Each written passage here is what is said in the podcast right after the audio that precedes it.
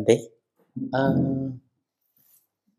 kalau tidak salah dalam sila silabata masa kan diartikan upacara eh, kepercayaan terhadap upacara-upacara yang arahnya ke ke penyucian diri. Uh, artinya di hanya dikhususkan untuk upacara pensucian diri aja atau di, di sebagian mengategorikan ke segala macam upacara seperti kita upacara sembahyang leluhur itu juga dimasukkan upacara ke silabata para masa. Apakah benar demikian, Bante? Mohon dijelaskan. Uh, ya. Inilah yang menjadi uh, sisi krusialnya urusan bahasa. Hmm. Terutama sekali kalau sudah merupakan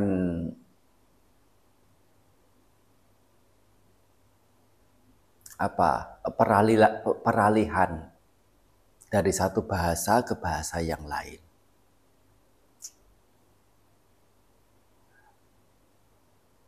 Kenapa di uh, terjemahkan upacara? Karena bahasa Inggrisnya adalah right. R R I T E, right.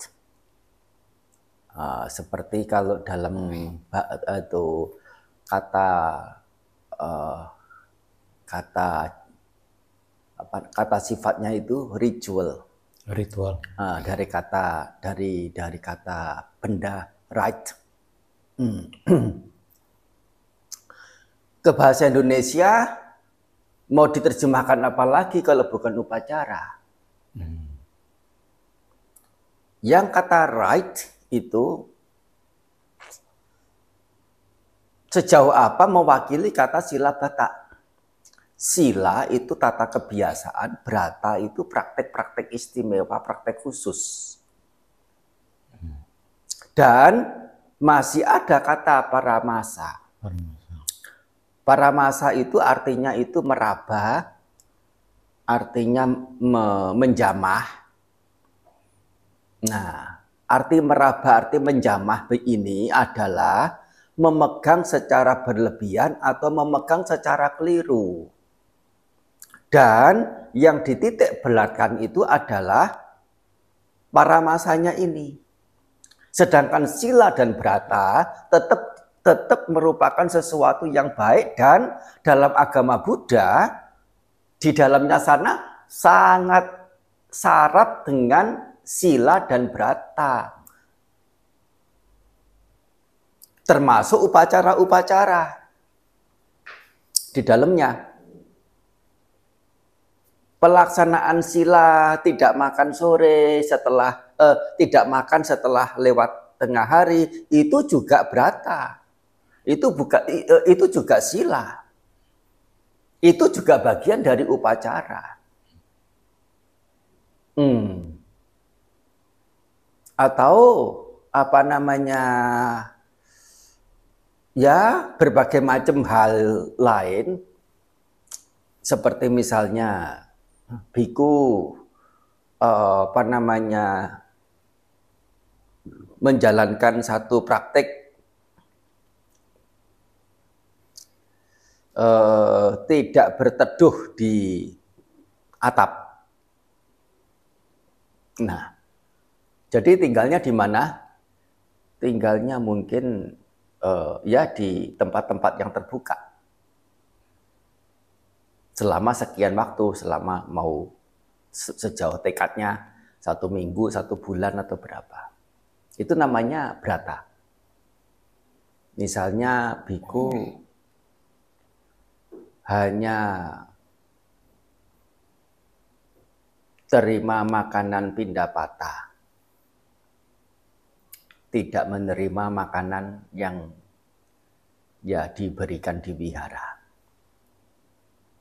Makan hanya sekali. Jadi masih ada banyak rincian sih di dalamnya sana. Beberapa biku itu meskipun terima eh, sudah berpindah patah keluar, tapi masih ada umat yang datang, dana diterima. Nah, tapi ada juga biku yang bertekad untuk tidak mau terima dana makanan yang dia sudah sampai wihara. Hmm. Yaitu mungkin cocok untuk tempat tertentu, zaman tertentu ya. Hmm. Zaman sekarang ini kalau ada orang dana nggak diterima bisa Urusannya besar.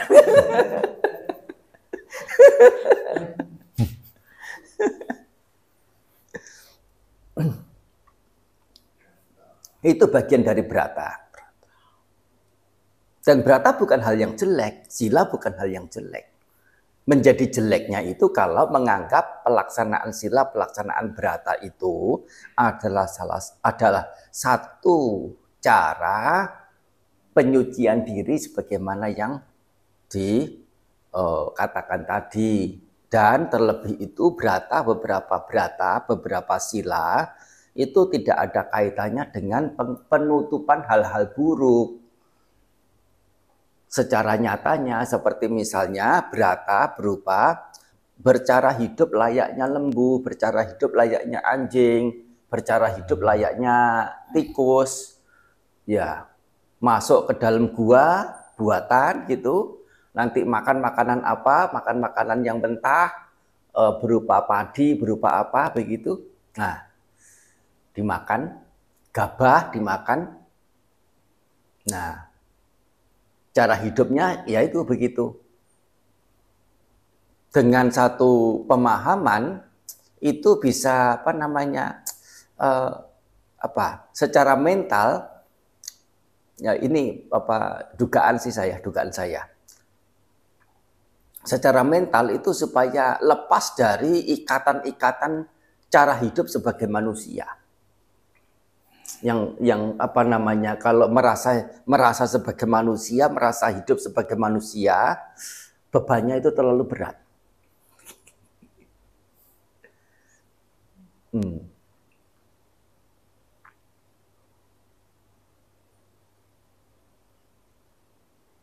Nah, itu uh, yang sesungguhnya uh, perlu dimengerti bahwasanya pemegangan keliru atau pemegangan berlebihan.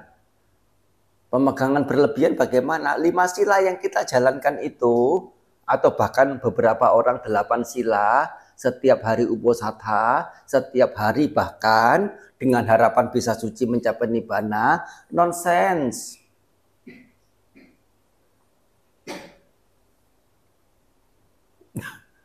Itu sudah sila batak para masa.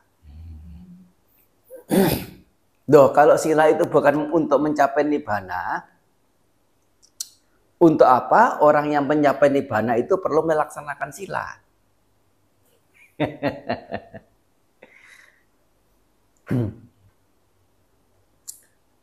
Dengan sebatas menjalankan sila, tidak bisa nibbana bisa dicapai. Tetapi tanpa pelaksanaan sila, nibbana juga tidak mungkin tercapai.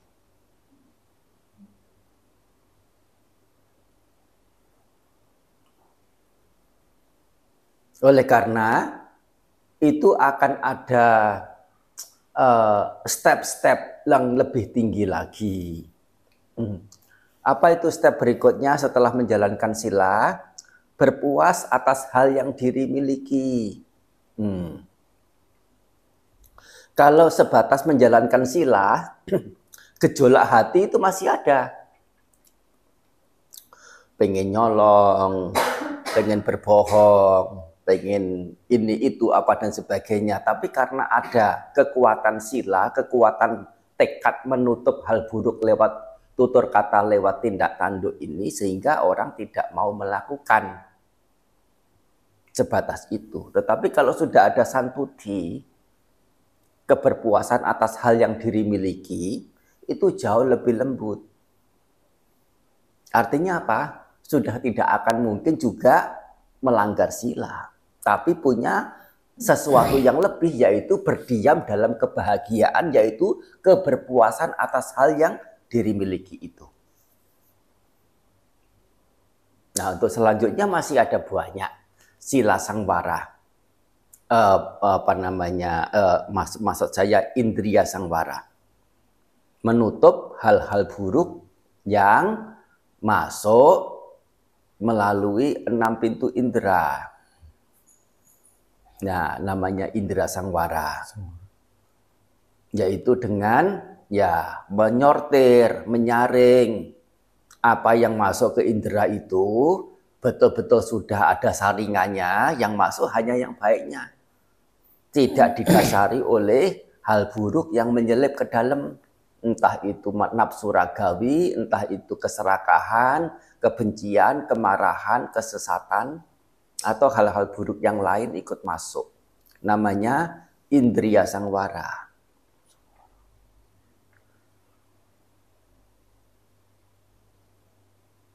Dan nah lebih dari itu adalah menutup hal-hal buruk uh, yang lain-lain dalam situasi yang lain dalam konteks mencegah munculnya niwarana yaitu hal buruk yang disebut dengan niwarana ada lima hal ya dan ter, keterbebasan dari lima niwarana itu masuk ke dalam jana yang pertama, kedua, ketiga, dan empat. Dan itu adalah sebuah kebahagiaan. Nah itu adalah step-stepnya. Sila yang paling pertama. Sila yang pertama, dua santuti, tiga indria sangwara, ya empat itu niwara niwara, niwara nepahana, lima apa namanya eh, Eh, rupa itu ada rupasannya jana 1 sampai 4. Step berikutnya itu eh, arupasannya ya yaitu arupa jana 1 sampai 4 juga. Ya, step-stepnya. Kalau ya tidak harus tidak harus itu seperti itu juga. Ya, tidak harus uh, sampai ke sana ya, ke arupa jana, ke nanti apa namanya uh, punya kepiawaian dalam jana sampai muncul pengetahuan uh, ya punya pengetahuan tentang ya hal-hal yang luar biasa sakti. Ada ya, namanya idiwida idiwidi ada menomayiti ya. Iti-witi ini bisa tubuhnya bisa terbang tubuhnya bisa berjalan di atas air tubuhnya bisa masuk ke bumi. Ya. Manomayiti ya punya kesaktian secara uh, yang muncul dari batin. Nah, kesaktian yang muncul dari batin ya batin bisa punya betul-betul powerful untuk membuat sesuatu menjadi bagaimana oleh batin. Hmm. Masih ada di Basota, telinga dewa, masih ada Pubeni Wasanusati. Pengetahuan yaitu tentang pengingatan kehidupan-kehidupan diri pada masa yang lampau masih ada lagi dibacaku uh, pengetahuan pada kelahiran-kelahiran yang lampau makhluk-makhluk yang lain siapa lahir sebagai apa pada kehidupan yang kesekian kali menjadi apa uh, menderita bagaimana bahagia bagaimana karena perbuatan apa dan setelah itu terlahir sebagai apa. Nah ini adalah pengetahuan-pengetahuan. Dan ya apa namanya merupakan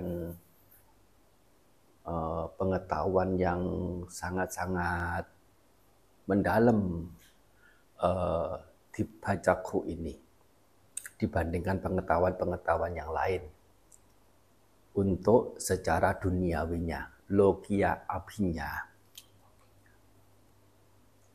Nah, ada satu abinya yang lain, itu adalah asawa kaya nyana, bagian dari abinya. Artinya adalah pengetahuan tentang kesirnaan asawa penghanyut-penghanyut, yaitu pengotor-pengotor batin. Nah itu adalah eh,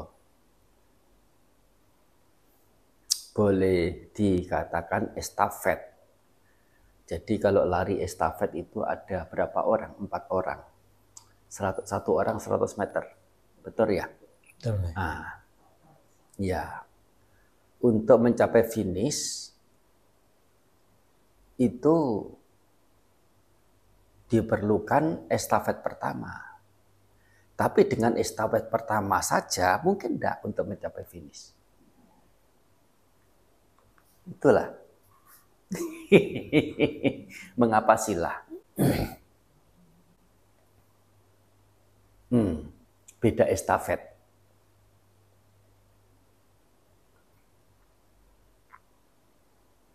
Understand?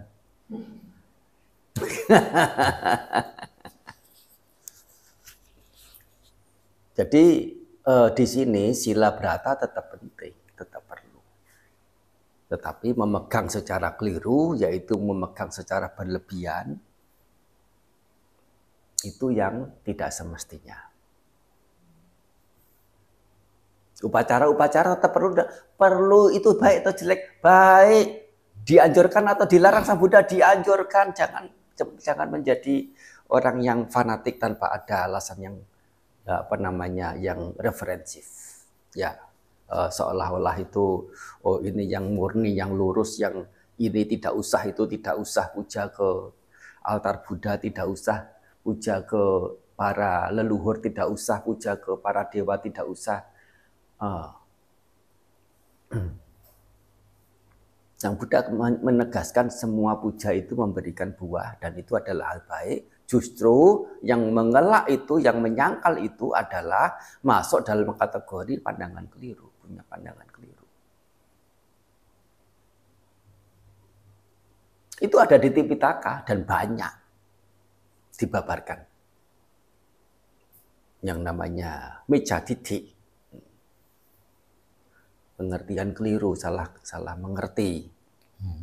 Nah, kita yang permisi bicara pengen apa namanya pengen pengen murni pengen baik nah apalagi dalam embel-embel label Theravada begitu. Nah, itu tidak usah, ini tidak usah, itu Theravada tidak begitu, tidak begini. Padahal sudah sejauh apa dia betul-betul jelas dengan pustaka suci yang ada dalam Theravada itu sendiri. Ya. ya, it, uh, ya. Jadi bagaimana kita supaya tidak lebih terkecoh atau terjerumus ke dalam upacara-upacara tidak benar. Uh, Bagaimana kita tahu upacara itu tidak benar? Upacara itu adalah namanya saja upacara. Upacara terdiri dari dua kata, upa dan cara. Upa itu artinya masuk, memasuki. Upa itu artinya teguh, tegak.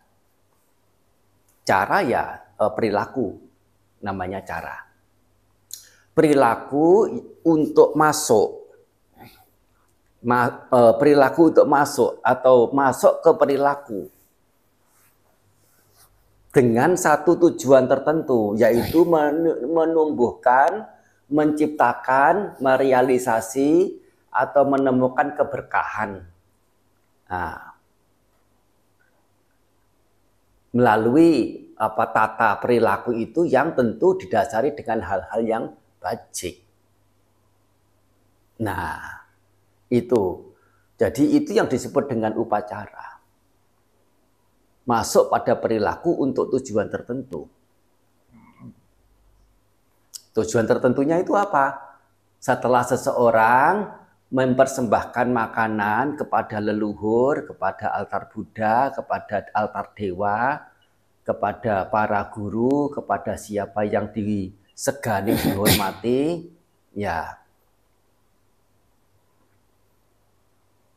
Kira-kira eh, kemurah hatiannya muncul tidak, keyakinannya muncul tidak, semangatnya yang baik muncul tidak, kepuasan hatinya muncul tidak.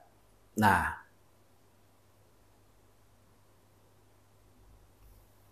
rasa tahu balas budinya, tahu budi jasa, eh, rasa tahu budi jasanya itu ada tidak? Rasa bakti, rasa cinta pada yang patut menerima itu muncul tidak?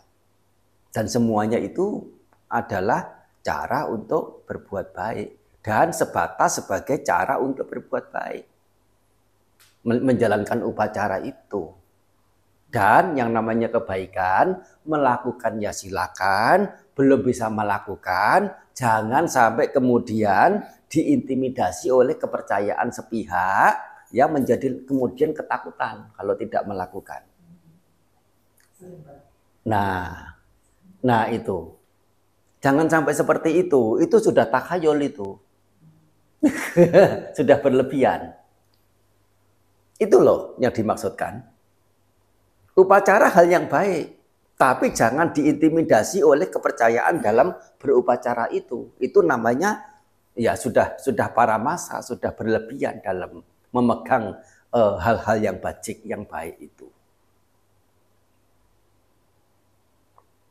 Bagaimanapun upacara sejauh itu uh, apa namanya uh, dipertimbangkan adalah hal yang baik, seperti misalnya uh, upacara dalam permohonan sila tisarana itu juga upacara. Hmm. Iya. Semacam misalnya uh, mempersembahkan dana makanan dengan upacara membaca imani mayang bante uh, ini itu apa dan sebagainya ya. Hmm. Bikunya beranumodana, sabitiyo wiwajantu, itu semua upacara. Nah, kalau semua upacara ditiadakan karena itu adalah eh, apa eh, konteksnya adalah pandangan keliru, ya itu bubar semua. bubar semua. Biku setiap hari uposata berkumpul membaca membaca ulang uh, peraturan patimoka itu juga upacara. Hmm. Nah kalau semua itu dibubarkan, karena itu adalah apa namanya bagian dari sila bata para masa. Kitanya yang salah mengerti. Harus kita ubah. Bukan begitu.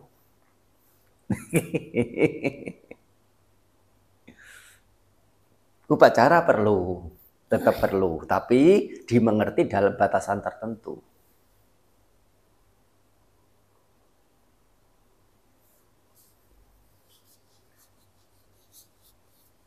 Dalam hal ini, sila perlu praktek-praktek khusus tertentu perlu, tapi mesti dimengerti dalam batasan tertentu. Ya. Ya, e, permasalahan upacara itu kadang mengembang.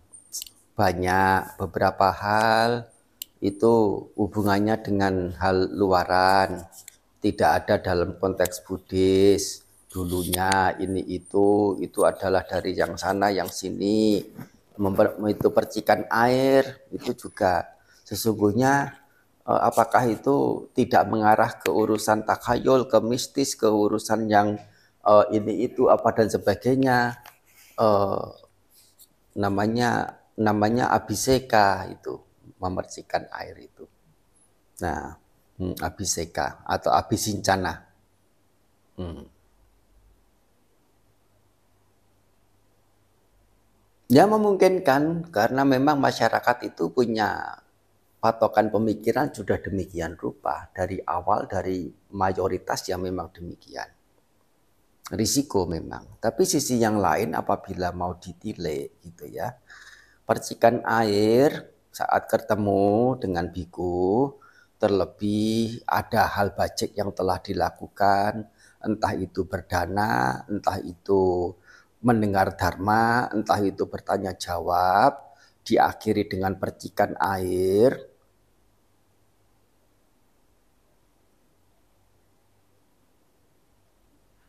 Percikan air itulah yang menja yang apa namanya uh, menjadi apa ya Eh, menjadi sesuatu yang sangat kuat kesannya untuk ke depan nanti. Dan itu berkaitan dengan apa? Berkaitan dengan ketemu si A, si B, si C, Bante A, Bante B, Bante, B, Bante C, Wihara A, Wihara B, Wihara C dan melakukan hal ini, mendengar ini, tanya ini, dijawab begini. Dari mana itu semuanya muncul?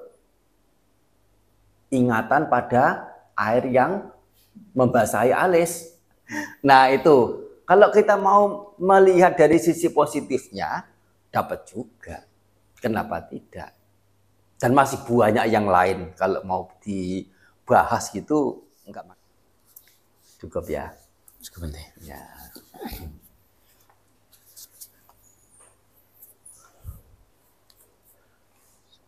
สัพพิติโยวิวัจจันตุสัพพโรโควินัสตุมาเตภวัตวันตารายโยสุขิติขายุโกภวะอภิวาตนาสิลิสานิจังบุทธาปจายิโน จัตตารโอธรรมาวัฏทันติ อายุวันโนสุขังบาลัง